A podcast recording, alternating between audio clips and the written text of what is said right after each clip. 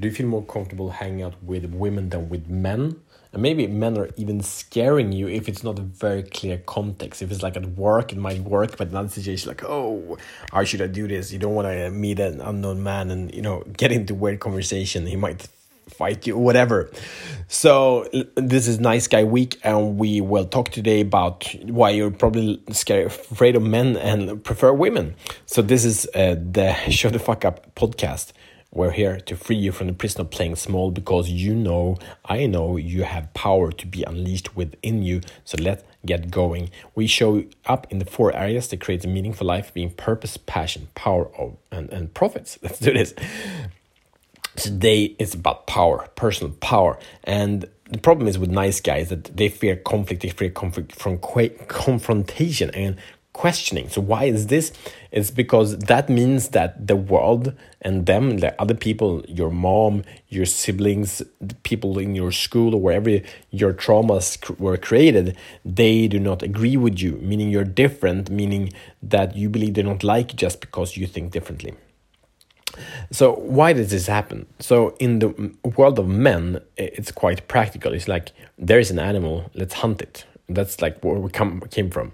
Or and then someone else said, but there is an animal, let's go for that one. This one is weaker, let's go for that. And there's a conversation, there's one left or right, we choose one. And there's a conflict, and one will win if it's not like passing days that was solved through through fists and hopefully not now hopefully not thrown solved through fists or or bombs but we solve conflicts in a different way and but since nice guys have poor relationships with dads who have poor father figures that were absent either physically or emotionally, then we don't know how to handle conflict.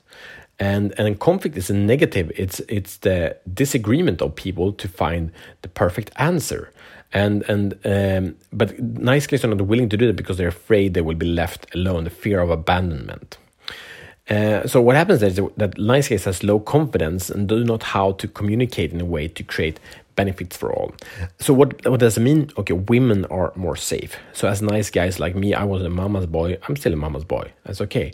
Uh, and so I I know how to communicate with women. I, I had more girlfriends growing up than than boyfriends. I was super scared and uncomfortable in the locker room playing sports. I did play sports, but I didn't get what they were talking about. It was super weird. Um, so I always had a lot of uh, girl friends. And just because I could communicate to them, I could listen to them, they thought, oh, this guy is amazing because he understands me, listens to me. I had had girlfriends, you know, as, as lovers as well, but a lot of uh, also a lot of girlfriends that I wanted to be become a lover to, but it never happened, and I was friend zoned for sure. I bet you know what I mean. Um, so so we're more comfortable with women and we also have our highest goal as a nice guy is to make women happy. But we can't. And the reason we can't is that we can become their friends but we don't give them the edge that make them safe as women. We become just a little bit a better girlfriend. But that's not what they want from you. That's not actually what they desire for you to be. If you have a girlfriend they always desire you to show the fuck up to start taking leadership, to show up in your masculine power, to reject her and say, no, these are the rules that we're playing with now. It's really beautiful. When you do it, it's really beautiful. But now we're going to talk about men. The thing is that men will hold you accountable. Not all men, there are a lot of douchebags out there. Don't hang out with them. But a good group of men, they will hold you accountable and expect more from you than you do by yourself. So you will fuck up. We'll all fuck up. But then they will say, hey, what's up? That's a confrontation. That's a conflict. You said you would, you didn't. What's up? And in that moment, you get to face your fear and say, hey, oh shit, I they, these guys found me out. But your dad should have done that, but he probably didn't. But so in the moment we start hanging out with guys, we like in my uh, huge evolution for myself the past say five years, where these days I have very few girlfriends. I have some business colleagues and a lot of like that, and I like to speak to women, all these things, but it's a very different way. I so much more prefer men because they can challenge me, they can make me better, much more than, than any woman can do. Um, and and finally, with women we seek approval. All right. So what's the solution here? We spend spend more time with men, men, do that through a hobby. It's great. Uh, you know, when we have something in common, it brings us together. So create a hobby, and it's not a gaming hobby. Not sitting in front of the computer. Do something in nature. Go outdoors. Do something grounding.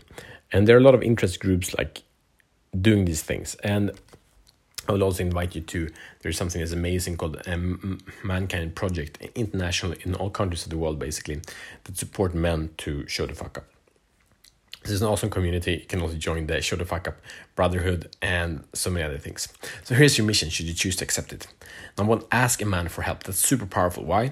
Because then we we recognize that we're not perfect. Whenever a nice man asks for, nice guy asks for help, that's a big revolution. All right. Uh, and then number two is uh, do self care. So I want you to take a pedicure. Pedicure uh, do self care in one way or the other. I think a pedicure is great, but it can be something else that really for you, no one else. No one else needs to know about it even. And then uh, finally, buy something for you, only for you that you like, no one else. Okay, uh, so that's it.